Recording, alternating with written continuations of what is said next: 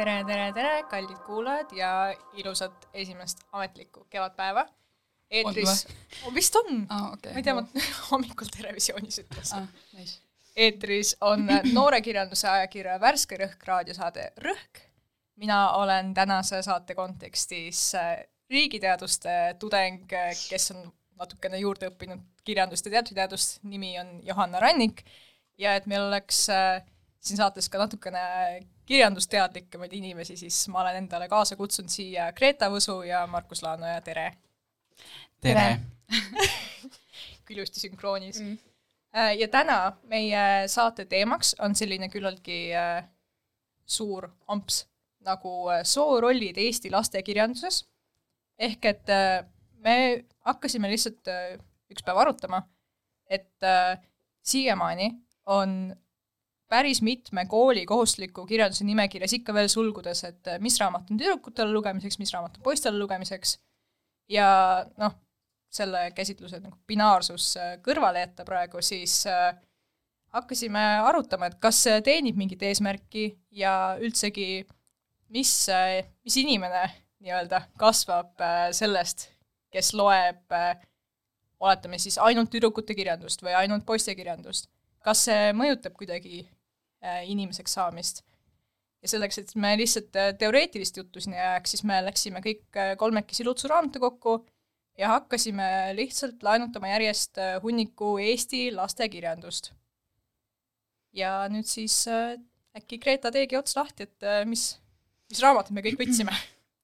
Äh, selles mõttes, et me võtsime umbes poole rohkem raamatuid, kui mina jõudsin lugeda, sest et ma natukene nagu arvutasin valesti ja me käisime Lätis vahepeal ja siis ma võtsin kogemata kaasa Bourdieu meeste domineerimise, mis noh, mingis mõttes läheb ka kokku selle teemaga, aga nagu ma oleks võinud Aino Pirviku võtta pigem, ma arvan. no Bourdieu'd ma lõpuks ei viitsinud väga lugeda, ta oli veits skiso mu jaoks um,. aga mina lugesin nüüd siis äh, läbi kolm raamatut, mis on vist, ma kaotasin vist selle võistluse meie kolme, kolme seas. üks oli siis äh, Leelo Tungla ikooniline, reaalselt, kui ma ütlen ikooniline, siis ma mõtlen seda nagu täiega äh,, Kristiina see keskmine, siis äh, Ilmar Tomuski Tere Volli mm. ja siis äh, Jaan Rannapi Agu Sihvka annab aru. Markus, mis sina lugesid?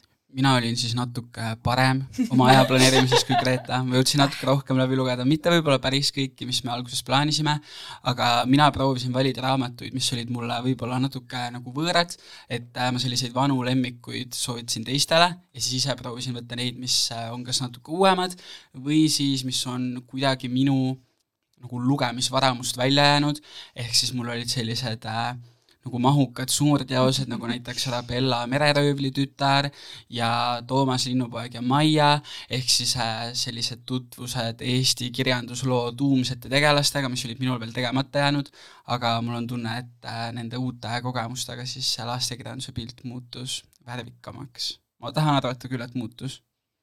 okei okay.. ja sina, Johanna? mina võtsin vist pigem, ma ei teagi, kas just otseselt vanemad raamatud, aga need läksid niimoodi umbes üheksakümnendatest aastani kaks tuhat kümme ja üks oli vist isegi vanem. Need olid äh, kollased koolilood, mille ma võtsin puhtalt nostalgiast, sest ma, see oli üks mu lemmikraamatuid väiksena. ehk siis äh, nii-öelda Brita ja Liisu raamat. siis ma lugesin äh, Kristiina Kassi Peeter ja mina ja Käru Kaarlilt lugesin ka ja siis äh, judopoisid, lihtsalt sellepärast, et äh, ERR-is vist või Sirbis ilmus äh, äh, artikkel, kus äh, umbes, ma ei tea, kirjandusmaailma voogistamise nimel öeldi selle kohta, et äkki tulevikus on judokväärid ja siis ma tahtsin äh, näha, Work, ma tahaks lugeda seda. tahtsin näha, et, et mis seal siis on. Äh, ja siis ma lugesin Helga Nõu noortekat nimega Pea-suu, tõmba uttu Mm. ja siis ma lugesin Aino Perviku Kunksmoori vist esimest korda elus ja see oli lihtsalt imearmas. aga vot jah, minul, minul läks niimoodi. Võitsid? mina võitsin lihtsalt sellepärast, et ma olin üks päev lihtsalt teki sees ja lugesin mm. äh, noortekaid ja lastekaid. ideaalne päev eriti kui Kunksmoor on ka sinuga teki all kaasas, siis Jaa. see on täiega ideaalne. ma ei, ma, ma ei taha, et terve vestlus oleks ainult Kunksmoorist, aga ma tean, et see on, see on seda. veits tahaks küll, jah. sest ongi, et ma tean, see kõlab väga rõlgelt, aga Kungsmoor on nii cottagecore, nii nunnu. ta lihtsalt tegi oma mingisuguseid concoction eid ja siis, kui äh, ma ei tea, trumm ei pööranud talle piisavalt tähelepanu, siis Kungsmoor oli nagu, et okei okay,, ma tapan ennast kuskil korstnas ära, siis wow. ma olin nagu, tunnen end väga nähtuna, Kungsmoor on väga dramaatiline ja. mul on ka tunne, et Kungsmar on nagu sufražett ilma, et ta oleks või et ta nagu, ta lihtsalt, tal on kõik see energia endas olemas, see on lihtsalt nagu uskumatu, mis seal raamatus toimub tegelikult, ma jah. okei, aga Kungsvald pausile. aga mis üldse nagu äh, ajendas üldse seda meie plaani, oli see, et äh, ma leidsin sellise raamatu nagu Muinasjutte tüdrukutele ja see oli nii niisugune puust ette ja punaseks, et äh, see on ainult tüdrukutele. et selle sarnast nagu muidu näiteks, ma ei tea, meie raamatutes muidu ei olnud, et seal ei olnud kuskil silti, et äh, see on poisteraamat või midagi sellist. aga kui ma vaatasin lähemalt, et mis see muinasjutte tüdrukutele on, siis need muinasjutud, mis seal olid, olid noh, niisugused basic ud laste muinasjutud, kolm põrsakest, Hans ja Grete Punamitsike, aga seal kaane peal oli kirjas, et äh, muinasjutu tüdrukutele on raamat, mis saab kindlasti lemmikuks nii tüdrukutele kui ka muinasjutte armastavatele poistele. olgugi, et äh, raamatu pealkirjas on, et see on ainult tüdrukutele, see on roosat värvi ja kaane peal on ainult tüdrukud. ehk et niisugune nagu imelik backtracking ja ma ei saanud lõpuni aru, et mis seal siis nagu ainult tüdrukutel on. et nagu proovikski lihtsalt aru saada, et mille põhjal toimub see sooline jagamine, kas või siis nagu jah, kohustusliku kirjanduse nimistus. Et kas äh, Greta, sinu loetud raamatutes näiteks oli mingi selline hetk, kus sa nägid, et aa, siin on see mingisugune kindel sooline jaotus, et sellepärast see on nüüd ühe või teise sotsiaalse soo raamat? mm,. mulle tundub, et äh, mina hakkasin tähele panema, et äh, kui me räägime identiteedist, siis neis raamatus olid esil hoopis teised identiteedi küsimused kui soolised, nagu rahvuse küsimused või majanduslikud küsimused äh, või siis ma ei tea, regionaalpoliitilised küsimused, ma ei tea, mingi maa versus linn, linnainimesed äh, ja see nagu soo konstrueerimine, millest me nagu al-, alustasime seda teemat minu kolmes raamatus, mis on vähe, on ju äh,, seda nagu nii palju ei olnud isegi. nii et ma tegelikult konkreetselt ei oska öelda nüüd, et et miski on nagu tüdrukute raamat või poiste raamat minu raamatute seast siis mul on tunne, et nad on üpris sarnased. Äh,. et äh, Krist-, nii Kristiina Volli kui ka Sivka teevad nagu pättust ja siis mõni saab pahandada, mõni võib-olla mitte. Äh, kusjuures see on küll esimene asi, mis mulle, mida ma ütlesin Markusele rongis ka, et Kristiina, Kristiina siis, Kristiina see keskmine, tema lood on sellised, et toimub pahandus, toimub jaga-, tagajärg teda õiendatakse tema vanemate poolt ja siis ta peab ka kandma mingisugust karistust. aga näiteks Tere Volli oli lihtsalt nagu, Volli, sa tegid jälle nalja, lõikasid isa mingi rahatähed tükkideks, pole hullu, tädid tädid äh, vahetasid ümber pangas või et nagu, aa Volli, sa oskasid äh, elektri sisse panna, ma ostan sulle MP3-e. aga samal ajal Kristiina olemas nagu seisab nurgas ja jääb oma koerast ilma, nagu et need nagu percussion'id või need nagu tagajärjed, sorry, ma üritan oma estonglish'it nagu vähendada tegelikult ähm,, olid kuidagi palju silmatorkavamad Kristiina jaoks mm, kui Volli, sest ne- nemad on nagu sarnase vanuserühma raamatud ka, nad on sellised äh, kuus, seitse, kaheksa oma seal äh, tegevustiku ajal. aga praegu ma annaks sõnajärje edasi. Võtan. Ähm,. mul on tunne, et võib-olla mul selliseid konkreetseid tekstinäiteid ei tule, aga mul tulid sellised nagu laiemad mõtted võib-olla, ehk siis Greta, sa oled kitsaste mõtetega, aga äh, aga laiemalt just selles mõttes, et minu meelest see on hästi nagu põnev küsimus, mille Johanna püstitab, sest et iseenesest see ju on siis raamat, kus on nagu tavalised muinasjutud või mida kõik ilmselt teavad, aga öeldakse, et need on muinasjutud tüdrukutele. Ja mul on tunne, et see kirjeldab üsna hästi ka võib-olla nagu äh, seda tüdrukute ja poiste raamatute nähtust kuidagi laiemalt, et tegelikult seda vastandust nagu ilmtingimata ei ole vaja või seda ei olegi olemas või mul on tunne, et kui ma mõtlen sellele, mida mina näiteks lugesin lapsena, siis mina ju ei mõelnud seda, et ma loen tüdrukute või poiste raamatut, see ei olnud nagu küsimus, ma lugesin raamatut ja jah, vahepeal oli umbes peategelane tüdruk ja vahepeal oli poiss ja võib-olla jah, nagu süžee, süžeedes olid mingid erisused, aga kui ma olin kuueaastane, siis ma päris kindlasti nagu ei mõelnud selle peale, iga raamat oli uus ja siis ma lugesin seda ja see kas meeldis mulle või mitte. Aga et ühel hetkel, kui sa jõuad näiteks kooli, et siis mingid raamatud, mida sa loed, siis kellegi meelest need ei ole sulle enam nagu sobivad. ja ma ei ütle isegi, et see on alati õpetaja või et, sest ma ei käinud koolis, kus mul oleks olnud nagu eraldi lugemisnimekirjad, aga noh, et teised lapsed näiteks su klassis ütlevad, et ei, see on tüdrukute asi, mida lugeda. ja mul on tunne, et sama asi võib, võib-olla ongi nagu nende muinasjuttudega ka, et ei ole ju põhjust, miks näiteks, ma ei tea, Punamütsike on tüdrukute lugu, aga võib-olla, et muinasjutt kui selline on sellise keskmise kirjastaja meelest nagu tüdrukutele mm. sobiv, mistõttu ta otsustab, et ta paneb sellele raamatule roosa kaane ja ta ütleb, et see on tüdrukutele, sest et siis, kui inimene läheb raamatupoodi, ta teab, et otsib oma nagu mingi väiksele nõbule või lapsele raamatut, siis ta leiab selle kiiremini üles. et mul on tunne, et see on nagu selline hästi tekitatud süsteem ja kohati mulle isegi tundub, et kirjandusteadus nagu läheb kaasa mingisuguse nagu reklaamitrikiga põhimõtteliselt ja üritab nagu öelda, et aa jaa, siin on mingid tunnused küll mm, -hmm. aga et tegelikult see on nagu veits mingi noh, nagu välja mõeldud asi äh, see on sotsiaalne konstruktsioon. ma, ma, nagu, ma ütleks siia vahele, et jaa, ma esi, üks asi, mis ma kirja panin, ma nõustun Markusega täiesti, et ma arvan, et lapsevanem kindlasti ostaks nagu ängsad muinasjutud äh, väiksele printsessile, kui et inglise muinasjutud, nagu et, et ta ei ole nagu nii atraktiivne, aga samal ajal ma loodan, et on vanemaid, kes näevad sellest turundustrikist läbi. aga jah, ma arvan, et see aga see on huvitav, see kirjandusteaduse teema, sest et ma, mina ei ole võtnud ülikoolis seda ainet, aga Markus õppis laste ja noortekirjandust. mis teeb mu eksperdiks. mis teeb ta eksperdiks, kuus ja peed siiski uh,. ma ei ole saatejuht, aga ma lihtsalt ütlen, et äkki siis see on see moment, kus sa seletad, et, et need on nagu päris žanrid aa ah, jaa, see on võib-olla hea mõte küll äh,. tahtsin jõuda selleni põhimõtteliselt jaa, see on tõsi, et lastekirjanduses tõesti nagu vaadeldakse tüdrukute raamatuid ja poiste raamatuid kui eri žanre, okei okay,, olgem ausad, on ju, et seda vaatas nagu, see oli minu kogemus äh, lastekirjanduse kohta õppides, ehk siis see ei pruugi olla nagu ülemaailmne tõde, aga et on kujunenud välja selline loogika, et mingid raamatud on nii-öelda poiste raamatud ja teised siis tüdrukute raamatud. Ja noh, olgem ausad, need nagu iseärasused on üsna sellised pealiskaudsed minu meelest või noh, et poisteraamat on tavaliselt see, mille peategelaseks on poiss, nagu vau wow,, milline mingi suur idee selline asi siis nagu kokku panna.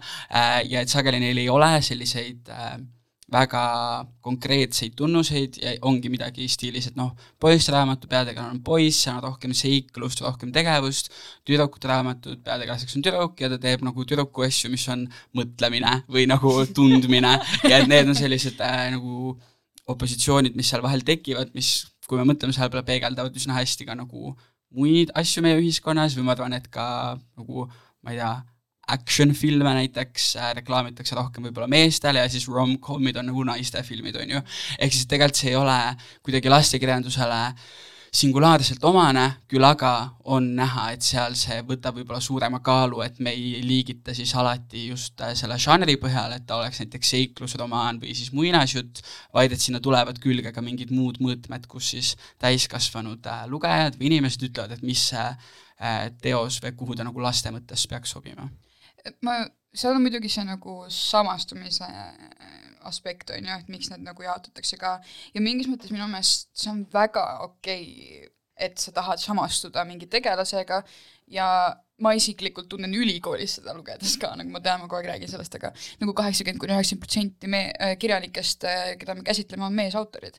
ja sageli ja umbes tegelikult kogu aeg on meespeategelased. see tähendab seda, et mina tunnen sageli samastumist samastumisest kirjandusega puudust mm -hmm. oma nagu koolitöös ja ma arvan, et nagu see selles mõttes on nagu täiega fine, et need äh, nagu, et tekivad mingid soolised erinevused, aga et mis, mis see nagu, mis need sõnad on, mida me kasutame või mis need õppetunnid on, mida me kasutame või mis väärtuseid nagu nendele tegelastele nagu vanemad tahavad õpetada, et nagu need on need asjad minu meelest, mis äh, vajaks nagu ülemõtlemist või vaatamist mm. -hmm minu arust on väga huvitav, et see on niimoodi ütleme siis nagu ametlikult konstrueeritud, et äh, et on nii-öelda poistekirjandus, kus ongi rohkem seiklusi, rohkem tegevust, et tegelasel on rohkem üldse agentsust ja nii-öelda tüdrukute kirjandus on äh, rohkem sisemise tegevusega, nii-öelda psühholoogiline lastekirjandus.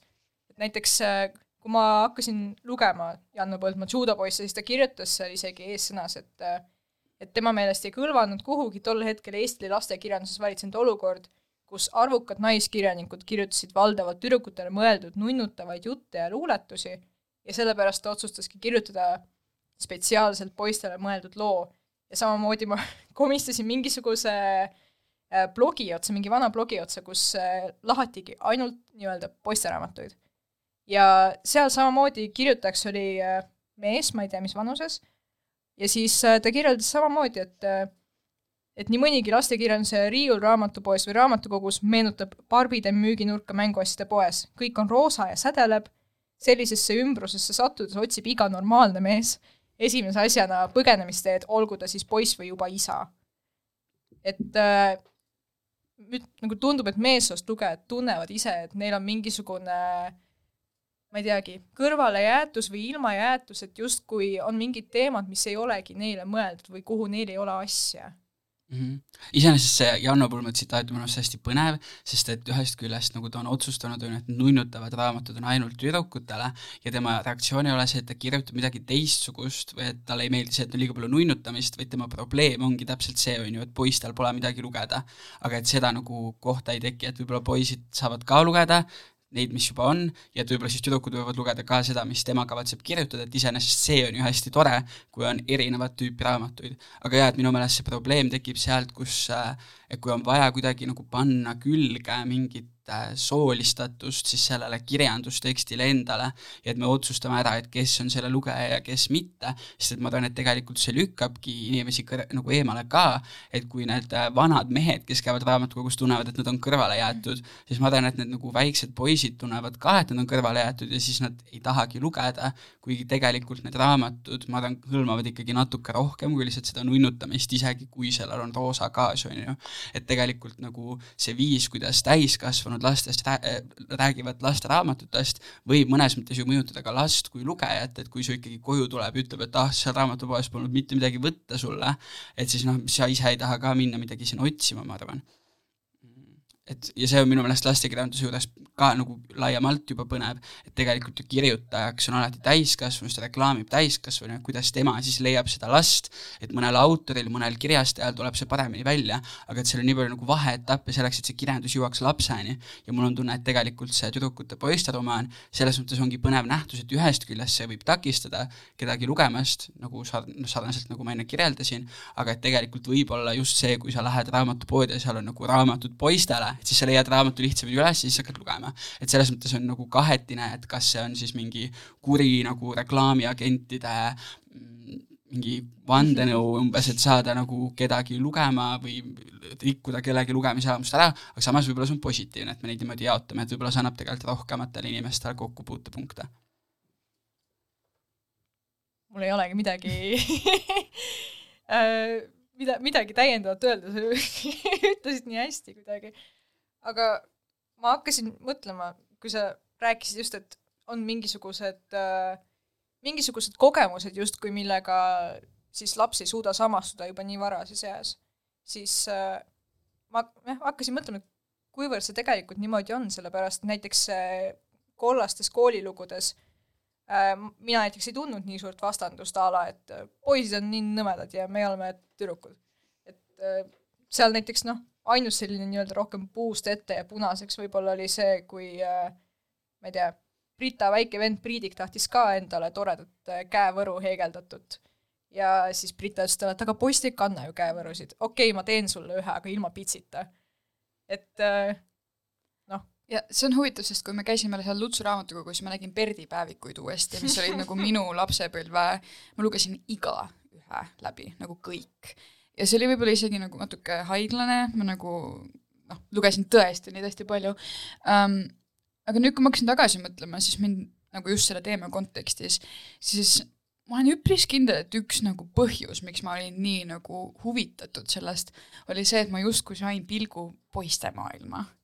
ja siis äh, muidugi neis raamatutes äh, oli Perdil on igas raamatus, kui ma õigesti mäletan, pole kaua lugenud äh,, uus äh, nagu armuobjekt mm, -hmm. mingi tüdruk, keda ta ihaldab äh,, ja noh, muidugi see tüdruk ei saavuta seda agentsust, sest see on päeviku vormis, mis on nagu suht sagedane nähtus nagu laste- ja noortekirjanduses ähm,. aga kindlasti ma arvan, et äh, et justkui mina, et minu püüd oli mingis mõttes nagu õilis, sest ma tahtsin vist teada nagu selle teise kogemust, see teine suure tähega nagu Lacan ja siis look on bitch, okei okay. ma tahan ropendada um, aga ma tegin seda nüüd ja okei okay.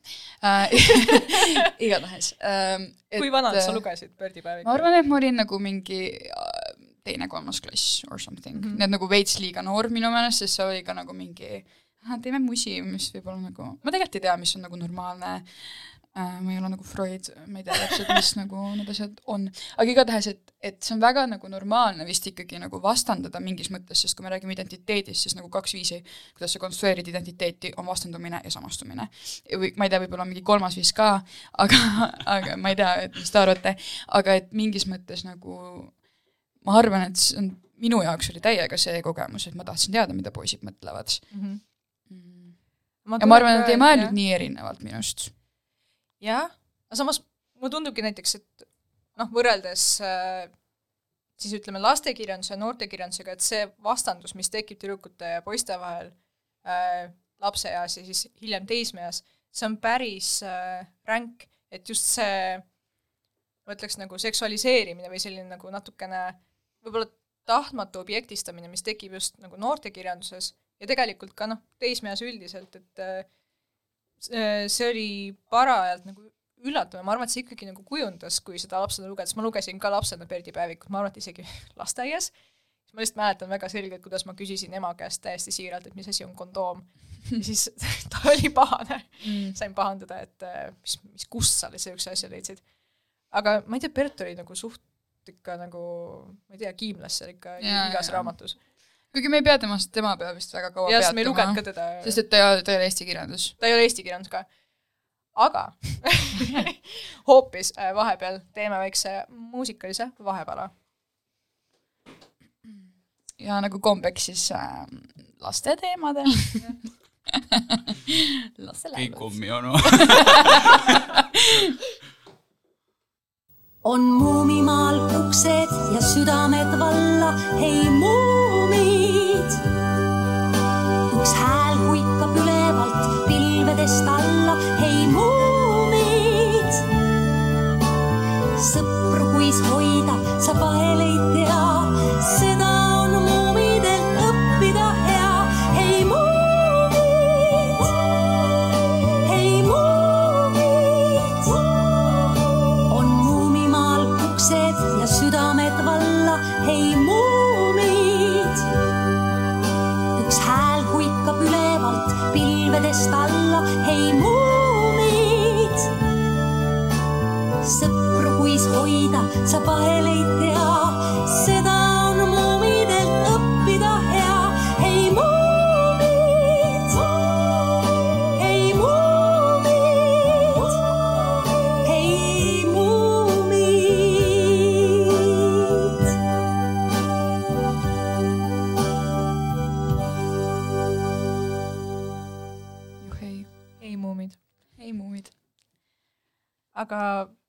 Perdist edasi liikudes äh, jälle tagasi eesti kirjanduse juurde, siis äh, näiteks üks niisugune noortekas siis, mida mina lugesin, äh, oligi see Pea, suu, tõmba uttu, mis tegelikult oligi kaks eri lugu. ja need olid kaheksanda klassi tegelased, ehk et ikkagi suhteliselt lapseohtu, aga juba seal tuli ikkagi, ma ütleks, võrdlemisi poliitiline sõnum välja, et ma nüüd siin tsiteerin natukene, et äh, siis äh, naistegelase vaatepunktist. aga ma ütlen teile, et ühele tüdrukule on tema välimus kõige tähtsam maailmas. selle läbi saab ta kontakti ülejäänud maailmaga. muidugi ma saan aru, et tegelikult on kõige tähtsamad need sisemised ilusad omadused nagu headus, heldus, ausus ja nii edasi, aga keegi ei näe ega avasta neid ilusaid omadusi minu juures, kui mul ei ole ilus välimus. kogu ühiskond on niimoodi üles ehitatud, et naised peavad olema ilusad vaadake ainult ajalehti või televisiooni või lugege mis romaani tahes. poisid vaatavad ainult ilusaid tüdrukuid.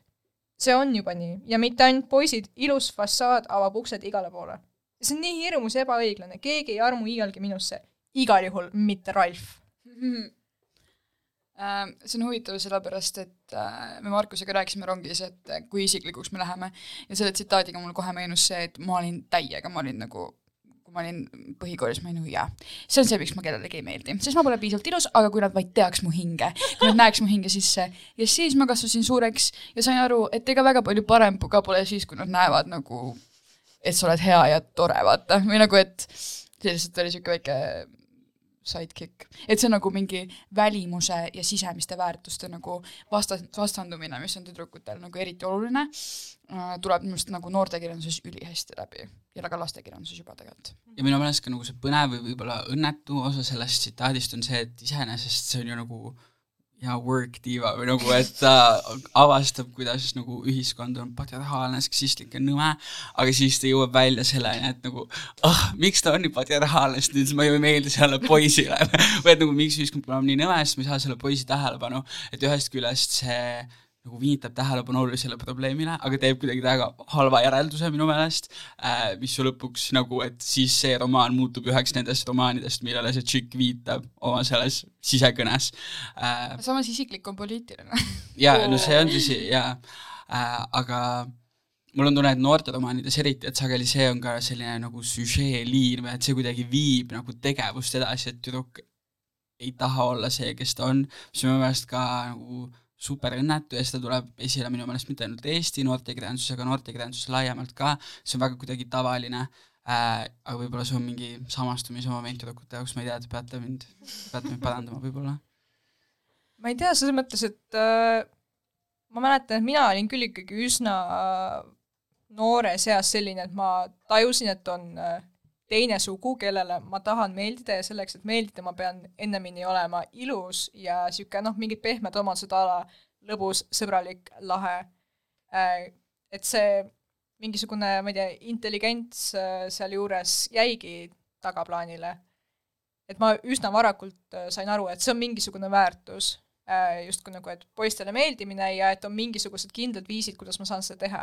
ja eks mõneti a la need mingisugused ma ei tea, printsessi raamatud ja mingid siuksed asjad, mida ma hullult neelasin äh,, ikkagi kinnistasid ka seda, olgugi et jah, nagu, nagu see neiu seal raamatus räägib, et jah, ilmselgelt on olemas mingid sisemised väärtused, mis justkui on olulisemad, aga tekibki siis see ebakõla seal, et aga noh, päris maailm justkui ju ei kinnita seda.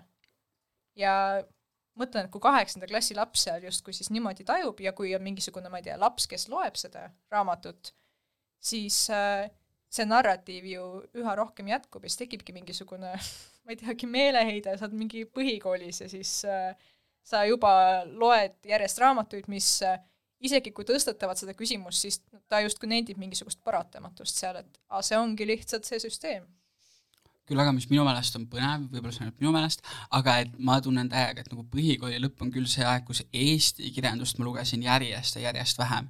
et ma, mul ühel hetkel tekkis mingi arusaam, et nagu Eestis ei kirjutatagi häid raamatuid, et umbes välismaa kirjandus on nagu see, kus toimub kõik lahe ja ma ei, kindlasti ei ürita väita, et välismaa kirjandus nagu äh, väldib neid stereotüüpe või samasuguseid kuidagi noh, ma ei tea, teemapüstitusi või äh, süžeekäike, aga et mul on tunne, et välismaal on ikkagi veits nagu laiem pilt võib-olla sellest, et kes on poiss, kes on tüdruk ja milliseid nagu raamatuid üldse kirjutatakse, et minu jaoks kindlasti nagu see hetk, kus ilmselt inimesed oleksid lugenud peasuutõmbeuttu, ilmselt nagu mingi põhikooli viima-, nagu viimased kolm klassi, et siis seal ma olin ikkagi juba nagu mingi näljamängude ja lahkulööja lainel mm, -hmm. mis oli ikkagi täiesti teistsugused sõnumid ja et ma ei tea, kas me jõuame selleni veel hiljem ka, aga mul on tunne, et Eesti nagu kirjanduse puhul üldse on kuidagi äh, noh, mitte ainult nende raamatutega, mida me praegu lugesime, aga ka varem, eriti siis nüüd laste- ja noortekirjandusega, mul on tunne, et see käib hästi sellist nagu sisse tallatud rada mööda, meil on mingisugused nagu ideed sellest, et milliseid raamatuid kirjutada ja me kirjutame pidevalt sarnaseid raamatuid uuesti, et võib-olla seal ühel hetkel tulevad mingid nüansid juurde äh, ja me käime nagu ajaga kaasas, aga et me tegelikult kirjutame raamatut, mis nagu ei avarda kuidagi väga sellist nagu maailmavaadet, mis võiks olla, vaid et me kirjutame seda ühte sama, sama lugu, mis on juba kõigile nagu vastuvõetav ja et äh, ei tule midagi nagu uut. aga kas teile tundub, ma nagu püstitan ühe hüpoteesi, et äh, domineerivalt on nii-öelda tüdrukute raamatutes keskkonnaks kodu ja poistel nagu see, mis on väljaspool kodu või nagu tsiteerides Karu Pukki, jah, nii ma arvan. Või nagu, et äh, mulle vähemalt tundub nii no ma ei tea, minu loetud raamatute põhjal ma võin täitsa nõustuda, et äh, no Brita ja Liisu kogu maailm oligi äh, kool ja kodu ja vahepealne kõnnitee nii-öelda. aga judopoisid ja siis mul jäi üks Eno Raua raamat veel ka pooleli, et seal oli ikkagi kogu nii-öelda siis väline maailm, millega nad suhestusid just sama, et seiklused aga siis tüdrukutel justkui ma ei tea, kas siis ei olnud seda soovi või nagu tarvidust üldse tegeleda millegagi väljaspoolt, ikka mingid, ma ei tea, kodumängud ja kostüümimängud ja et nüüd oleme koolis, et äh, jah, see vastandus tekkis väga teravalt küll, vähemalt minu loetud raamatute põhjal mm. -hmm. see paistab vist olevat ikkagi jah, tavaline, et nagu poisid teevad ja tüdrukud on, aga aga mul on tunne, et siin on ka ikkagi eristuvaid raamatuid, et näiteks Arabella mereröövli tütar mm, -hmm. mida ma mainisin, on minu meelest hästi lahe näide sellest, kuidas on justkui ära kasutatud sellist nii-öelda poisteraamatu süžeed, aga tegelikult sinna sisse pandud nagu tüdruku, tüdrukute raamatule omased nagu mõttekäigud või et me, et peategelaseks on siis mereröövli tütar nagu mereröövli laeval seikluste galore ootab, on ju, nagu pidevalt on mingid lahingud, tormid, visatakse inimesi üle parda, kedagi lastakse maha, nagu see on kõik nagu seiklus seikluse otsa, on ju. aga siis samal ajal Arabella, kes on siis loo peategelane, nagu pealkiri ütleb, mõtleb selle peale, et mis teeb inimesest hea ja mis teeb temast halva ja mõtleb selle, et nagu mida ta tahab inimestes näha ja noh, mõtleb ka loomulikult sellele, kuidas tema unistus on saada emaks, aga Oi. nagu loo kontekstis see on täitsa loogiline, on ju, et ta üritab nagu väljuda sellisest imelikust nagu mereröövli maailmast, kus kõik tahavad kulda, millega nad mitte midagi teha ei saa ja siis tema tahab sellist nagu lihtsat elu enda jaoks, mis on siis tema jaoks emadus. konsumerismi kriitika. ja konsumerismi kriitika nagu täiega. ja no Aino Pervik üldse, ma ei tea, järgmine saade võiks tulla tema temast minu meelest, teda on vaja rohkem avastada, aga et lihtsalt äh, minu meelest see on väga hea näide sellest, kuidas on autor, kes tegelikult kasutab ära neid žanrilisi nagu raame põhimõtteliselt, et ta tegelikult kirjutab ju raamatu, mis peaks sobima justkui poistele kõige selle poolest, mis seal toimub, aga siis samal ajal see on ikkagi nagu tüdruku vaatepunktist ja, ja keskendub ka sellistele üldinimlikele teemadele. Ähm.. seal Leelo Tungla, Kristiina, see keskmine oli ka esimene sündmus kohe beebi tüdruk hakkab suhestuma selle lapsega, järgmine tegevus, koogi tegemine. Äh, siis natuke aega hiljem on äh, suur probleem sellega, et tema väike õde imbikene äh,, imbi äh, jääb haigeks ja on võimalus, et äh, tema vanaema vist ütleb, et aa, võib-olla ta ei saa lapsi kunagi ja siis see on nagu, et nagu ta on pooleaastane tita, kes on haige ja siis see on see lause, mida ta vanaema ütleb. muidugi, Kristiina vanaema on hullult problemaatiline, ta ei rääkinud Kristiina õega mingi kolm nädalat, kui ta ei saanud muusikakooli sisse. nii et nagu sellega ma nagu noh, relate in ka et nagu hästi nõudlikud nagu vanemad, aga just nagu see nõudlikkus nagu tüdrukute suhtes. aga samas no jällegi, mida mina saan öelda, ma lugesin kolm raamatut selle jaoks, ma lihtsalt võrdlen praegu nagu Tunglat ja Tomuskit, nagu see oleks mingi põhjapanev äh, aga samas sinu võrdluse põhjal ikkagi ju siis nagu et ka poi-, noh, et Volli ju ka on ikkagi peamiselt kodus, see on siis raamatu Tere Volli kohta, kui keegi uh, kuulab on huvitatud uh,. Volli on kodus seetõttu vist ka, et uh, ta on uh, väike alguses mm, -hmm. ta ei käi koolis um,. pluss ta on üksiklaps, mis muudab seda väga teistsuguseks, see tähendab, et tegevus on väga tugevalt tema pahanduste ümber, aga Kristiina on see keskmine, tema ikka käib nagu oma õega ka mingi loomaaias ja vanaisa juures külas ja nii edasi, et uh, aga kuidas seal raamatutes muidu äh, vanemaid kujutati, sest ma, võib-olla ma mäletan valesti, aga Vollis minu arust oli vanematel ikkagi päris suur roll all.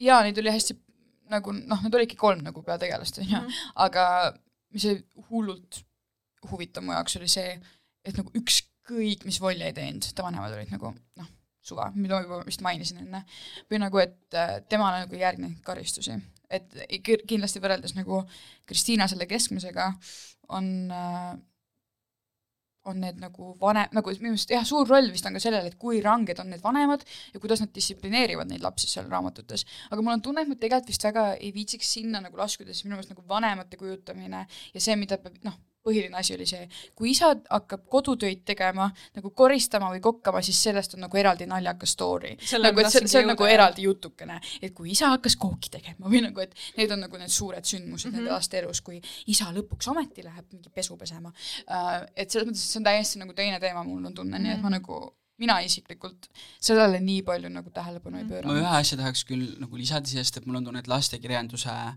nagu iga lasteraamatu üks funktsioonidest on see, et lapsele tutvustatakse nagu elu või noh, et teda ja. sotsialiseeritakse ja näidatakse, et mis on see, mis maailmas laiemalt ka toimub väljaspool tema enda keskkonda ja asi, mis mulle hästi teravalt torkas silma, on see, et olenemata sellest, et äh, millised need lapsevanemad on, siis nendes lasteraamatutes esitatakse ikkagi nagu sellist korralikku tuumikpere. et on isa, ema ja siis laps, vahepeal mitu last, aga et nad kõik on olemas, no okei okay,, Arabella nagu eristub sellest, aga see on ka veits teistsugusem romaan, on ju, kõik, mis käsitlevad, käsitlevad vähegi sellist kooli äh, nagu pereelu, et siis seal on ikkagi korral-, nii-öelda korralikud pered siis.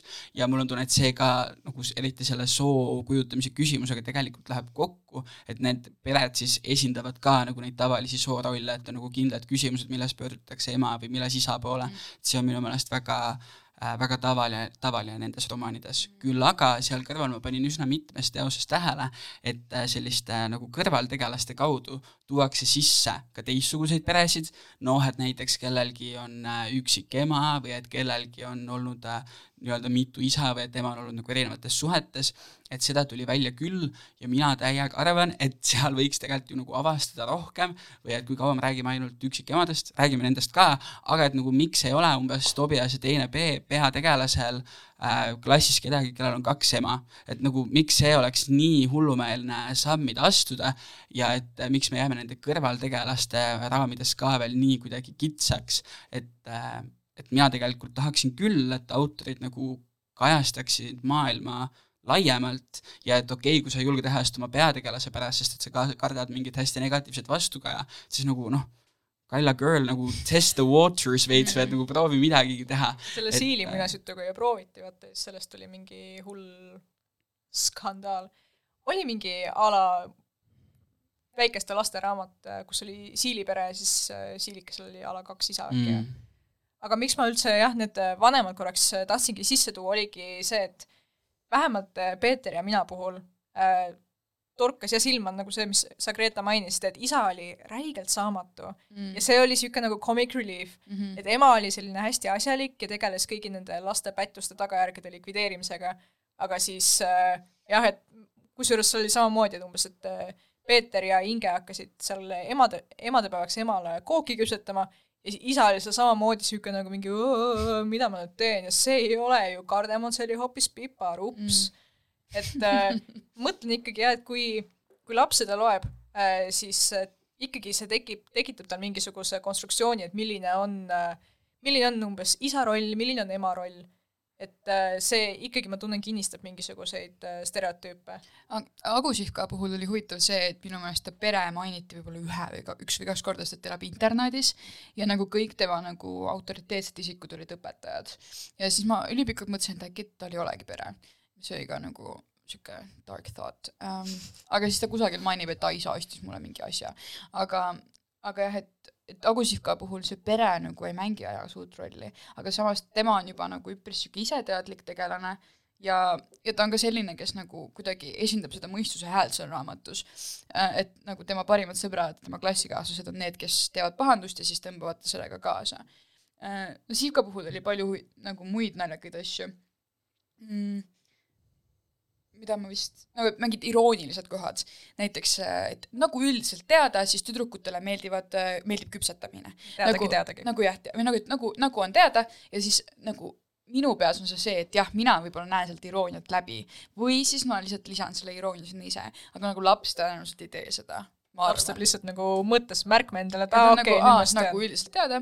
ja teine asi, mis ei ole sooga väga vist seotud, aga et nagu mu vanaema ikka ütles, siis äh, inimene plaanib, jumal juhib, kuigi jumalat ei ole, mis oli siuke lahe Nõukogude touch ähm,. aga mis ma kõigi kolme raamatu puhul panin ka tähele, mida ma lihtsalt tahan ära mainida, on see, et igas raamatus oli N-word, nagu igas raamatus äh,. ja see oli nagu suht kohe nagu kuidagi nii casual'i ka, aga samas me rääkisime Markusega ja see on ka minu meelest jälle see nagu, et see meie ja võõras või see, et meil on nagu huvi selle teise vastu, et neil lastel on ka tegelikult ju huvi võõra maailma vastu ja see on lihtsalt see sõna, mida nad saa-, mida nad on õppinud või mida on neile antud kasutada selleks, et nagu kes, kes seal kusagil kaugel on, keda nad telekas nägid. ja no lisaks mul ikkagi on natukene vähemalt selline tunne, et uutes raamatutes ma ei kohta seda nii palju või uuemates, aga et võib-olla see ongi nagu mingi nõukaaegsete lasteraamatute asi, aga ma ei ole samas lugenud nagu kõiki mingeid kahekümne esimese sajandi lasteraamatuid läbi, on ju äh,. no vot, see oligi üllatav, et seal Pea, suu, tõmba uttu, see ilmus kaks tuhat kümme, vähemalt nagu raamatu esiküljel oli nii kirjas ja seal oli küll nagu mingi kaks korda N-sõna ja veel kuidagi nagu umbes, et see nagu poisspeategelane Joonas oli ta vist äh,, oli Rootsis klassireisil ja siis ta seal vaatas umbes, et et aa, et äh, umbes vaene Urmas, kes peab äh, selle nagu N-sõna juures ööbima, et mis ta temaga veel peale hakkab mm., et umbes mingi täiesti nagu teistsugune inimkäsitlus ja see oli väga nagu tõesti sihuke võõristust tekitav, et okei okay,, tuhat üheksasada üheksakümmend, okei okay., aga äkki N, kümme äkki N-sõna tähendas üldse naist seal kontekstis? ei no seal oli ikka nagu seal oli, seal oli ikka nagu täiesti pikalt see välja toodud ilusti ja ilusti ja kes teab, see teab. kes teab, see teab. ja sellel ilusal mõtlemapaneval noodil lähme me meie järgmise muusikalise vahepala juurde, mis ma loodan, et äh, varastel kahe tuhandendatel ajaloolisel perioodil üles kasvanud lastele tekitab palju äratundmist. Ma ei söö, ma ei maga, enneaegsed prillid saan, istun ainult laua taga, ees on arvutiekraan. justkui oleks kogu aja jala küljes kaalupomm.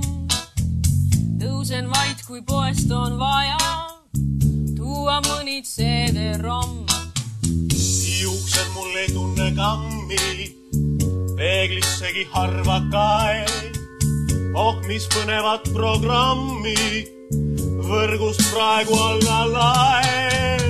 ma ei söö, ma ei maga, enneaegselt prillid saan, istun ainult laua taga, ees on arvutiekraan. õrin ma klahve togin, hiiregagi krapsates, kõikjale end sisse login, salainfot napsates. seda praegu ma ei taipa, et on eluviisis vead. varsti aga sambla vaipa, tunnen seljas tõstmas pea. ma ei söö, ma ei maga, enneaegselt prillid saan, istun ainult laua taga, ees on arvutiekraan.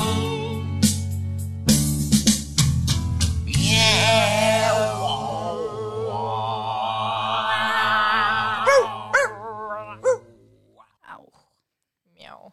pange keegi palun Buratino laul Spotify'sse. aa jaa, neid ei ole ju. aga mis raamatut üldse väiksena lugesite, sest et Markus, sa enne mainisid, et sa lugesid selliseid ikoonilisi teoseid nagu Näljamängud ja Lahkulööja.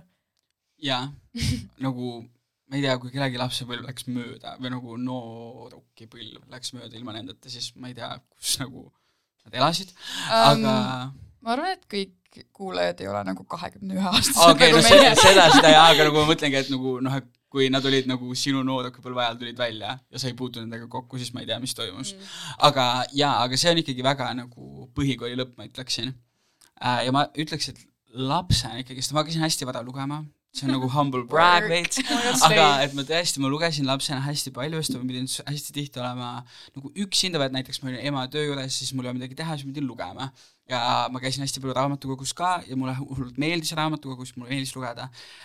ja minu lugemise nagu maitse oli ka väga okei okay,, ma tahaks öelda väga seinast seina, aga ma arvan, et tegelikult see ei olnud seinast seina, ma lugesin palju ühesuguseid asju.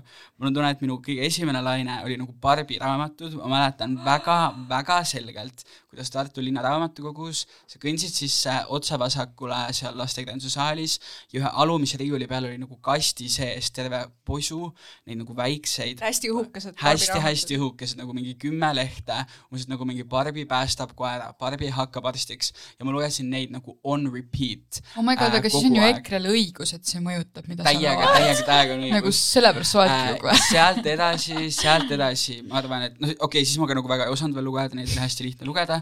esimesed päris raamatud, mida mina mäletan, on kindlasti Astrid Lindgren, ma olin nagu total fänn äh,. ma võisin reaalselt nagu päevas mitu korda lugeda umbes Pullerpilapsi läbi äh,. ja siis ma arvan, et ühel hetkel hakkasid sinna lisanduma, no eks seal kogu aeg oli, aga et ühel hetkel hakkasid lisanduma nagu mingi Kristiina Kassid, sellised nagu tolle aja äh, tuntud Eesti lastekirjanikud ja suur roll oli kindlasti sellel minu esimene raamat jaa. et see oli minu jaoks nagu kvaliteedimärk, et ma läksin raamatukokku, kus ma läksin selle riiuli juurde, kus mm -hmm. need olid ja võtsin sealt ja, ja mul on tunne, et et see siis näitab tegelikult seda, kuidas mu lugemus oli üsna kitsas, selles mõttes, et mina ei puutunud kokku tegelikult mitte kunagi nagu mingi Berdi päevikute või mingite selliste asjadega, ma lugesin lihtsalt seda, mis mulle nagu tundus kättesaadav ja lahe, et mulle näiteks palju mingi Astrid Lindgren, Astrid Lindgreni raamatuid kodus, ma lugesin seda ja talle siis nagu ühel hetkel hakkas tekkima mingi, ma ei tea, kultuuriline teadlikkus sellest, et nagu mm aa, kõik teised ei lugenud seda, et mingid teised inimesed lugesid nagu mingeid teadusraamatuid. ja siis ühel hetkel ma hakkasin aru saama, et aa, paljud nendest inimestest, kes lugesid nagu mingi kümme põnevat keemilist katset, olid poisid, samal ajal kui mina olin lugenud nagu mingi Brita ja Anna seiklustest viis aastat järjest. et siis ühel hetkel ma sain aru, et on nagu mingi dissonants võib-olla minu ja teiste lugemuse vahel.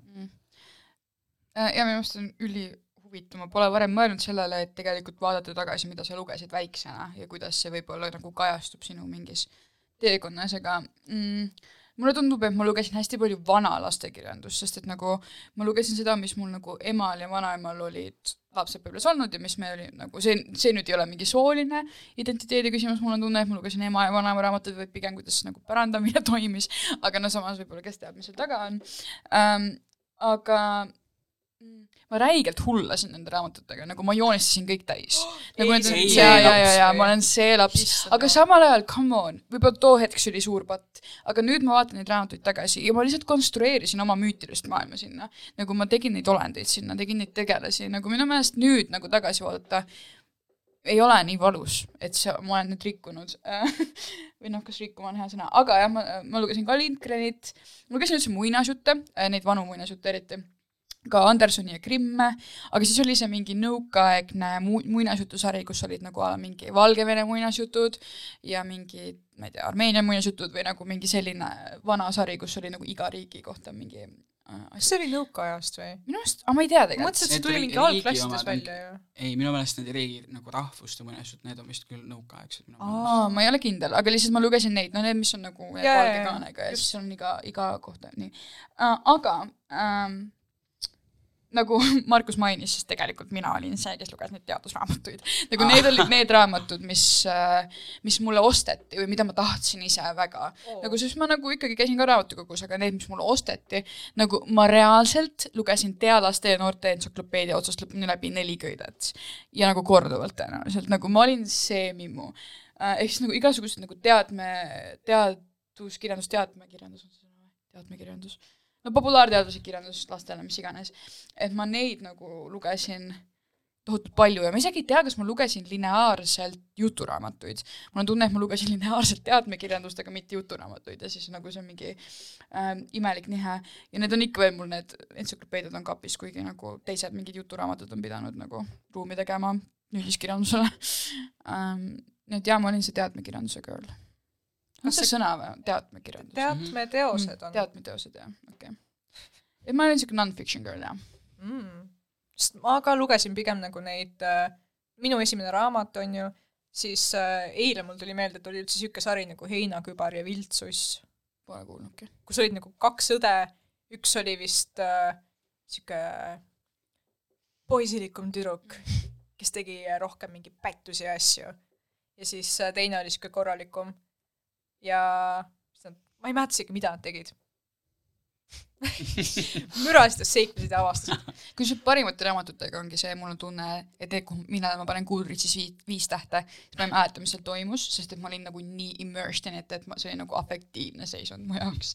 nii et võib-olla sul oli lihtsalt afektiivne seisund neid raamatuid lugedes. transsi lihtsalt kuueaastane Johanna lihtsalt nagu hõljubas. Funny. ma olen ennast nagu tagantjärele küll hukka mõistnud, nagu mis mõttes ma nagu justkui lugesin väga palju, aga ma ei mäleta nendest mitte Mm. midagi. Et siis nagu nüüd aastaid hiljem äh, loen neid üle ja siis justkui esimest korda mm. -hmm. hakkasin mõtlema, et kuivõrd palju üldse laps siis üldse midagi nagu meelde jätab, aga samas see ikkagi ju väga mõjutab. või ongi, et äh, ma ei tea, mul olid ka need mingid raamatud, kuidas saada printsessiks seitsme päevaga või veelgi kiiremini. ja siis oli ka, et kuidas saada popstaariks. Ja siis avastasin hiljem nüüd, et äh, mul olid ka need minu meelest, tuleb tulid ette. lahedad. aga kus me oleme, kus me praegu kus me oleme nüüd? oleme, nagu me ei ole ei printsess ega popstaar Nagu-.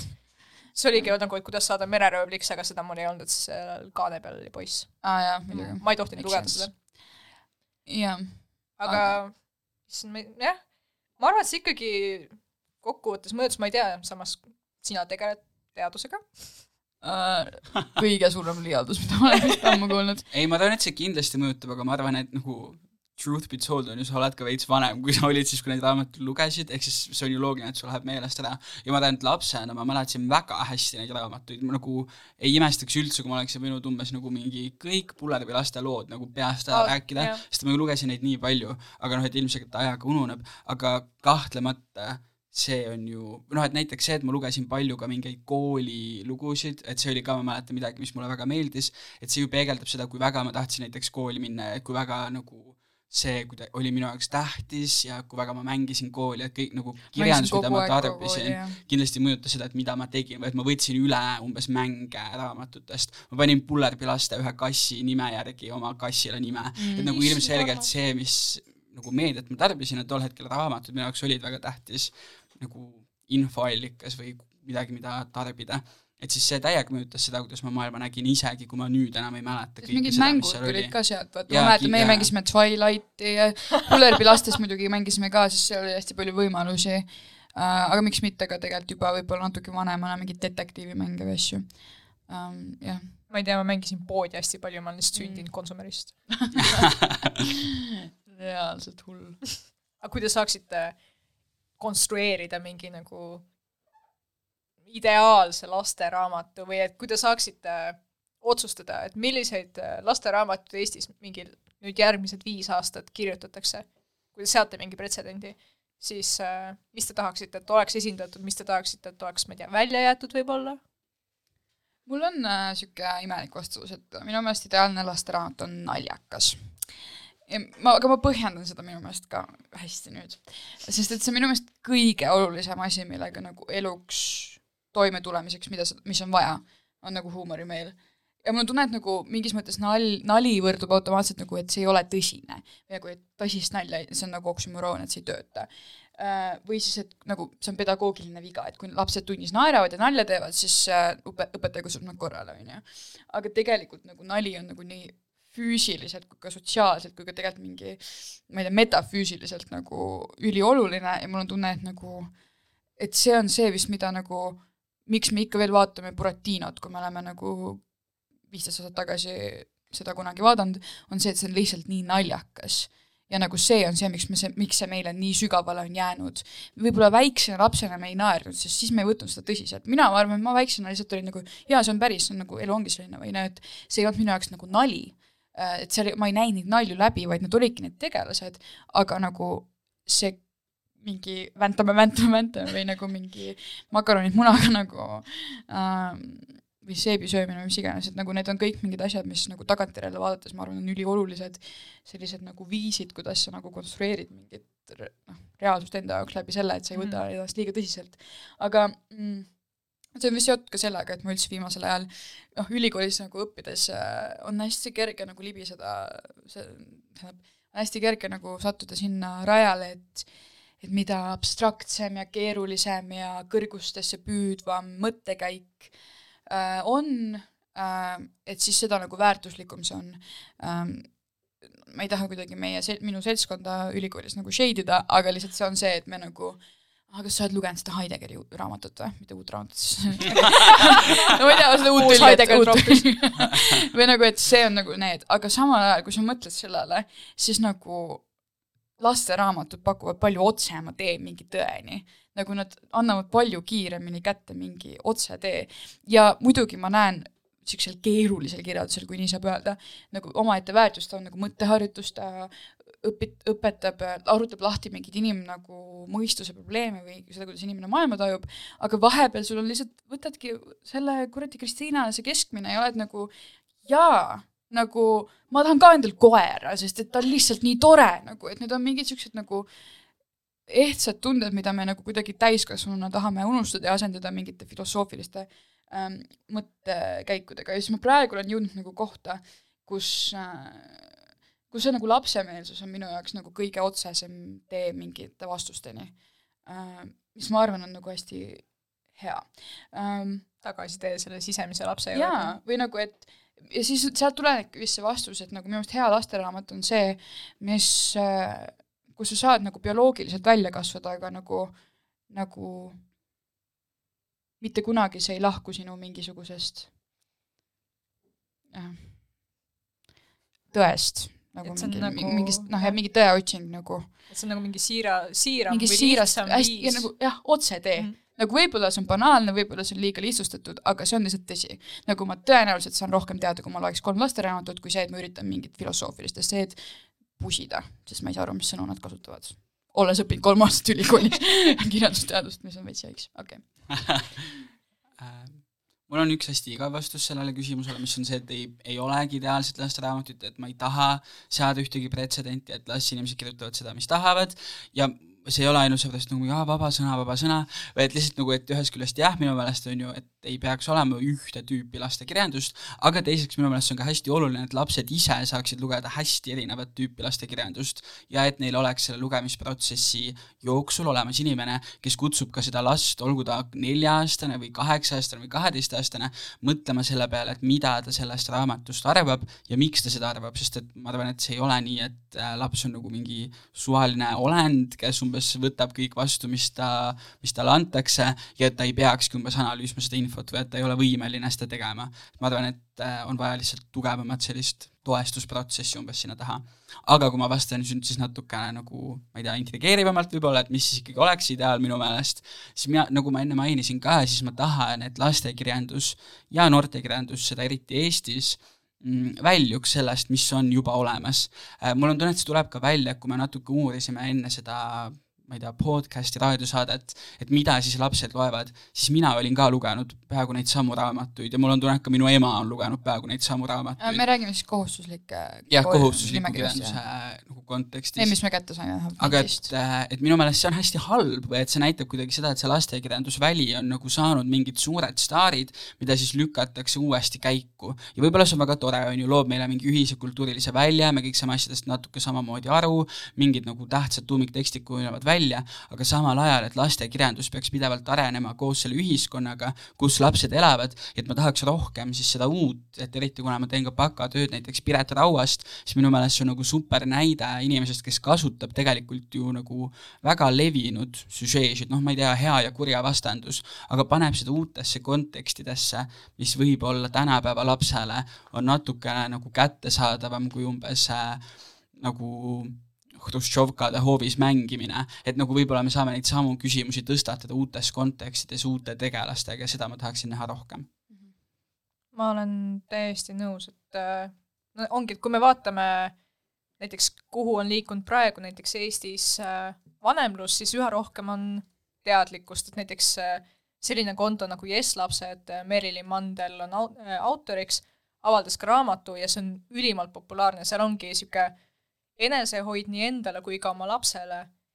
ehk see, see näitab, et me ühiskonnas tahame üha rohkem seda kaasavat vanemlust, teadlikku vanemlust, aga samas, kui me tahame lapsele raamatuid osta, kas en- noh, oma lapsele või oma sugulasele, mida iganes, siis me leiame ikkagi needsamad tuumiktekstid, mida jah, on lugenud näiteks, ma ei tea, meil vanemad, meie ise, mis ka oli siis juba mingi circa kakskümmend aastat tagasi, on ju, ehk et me järjest rohkem toodame juurde sedasama mingisugust ühiskonna äh, mudelit või mingit, ma ei tea, malli ja loome sama ühiskonda üha edasi, aga samas tegelikult meie soovid on nüüdseks muutunud, meie mingid prioriteedid, väärtused on muutunud, aga lastekirjandus hetkel ma tunnen ka, et piisavalt ei peegelda seda ja ma ütleks, et ka võib-olla nagu diskussioon lastekirjanduse ümber, et ma nagu ootan seda päeva, kus Eestis ka tekib diskussioon, et kas me peaksime umbes need N-sõnad siis Kristiinase keskmisest ära võtma ja nagu olenemata sellest, et mis siis lõpuks otsustatakse, ma lihtsalt tahaksin, et me räägiksime sellest, et lastekirjandus saaks Eestis ka võib-olla sedasama tähelepanu, et me siis arutaks ära, et kas tegelikult on vaja, et oleks judokväärid või me tahamegi, et igavesti oleks ainult judopoisid.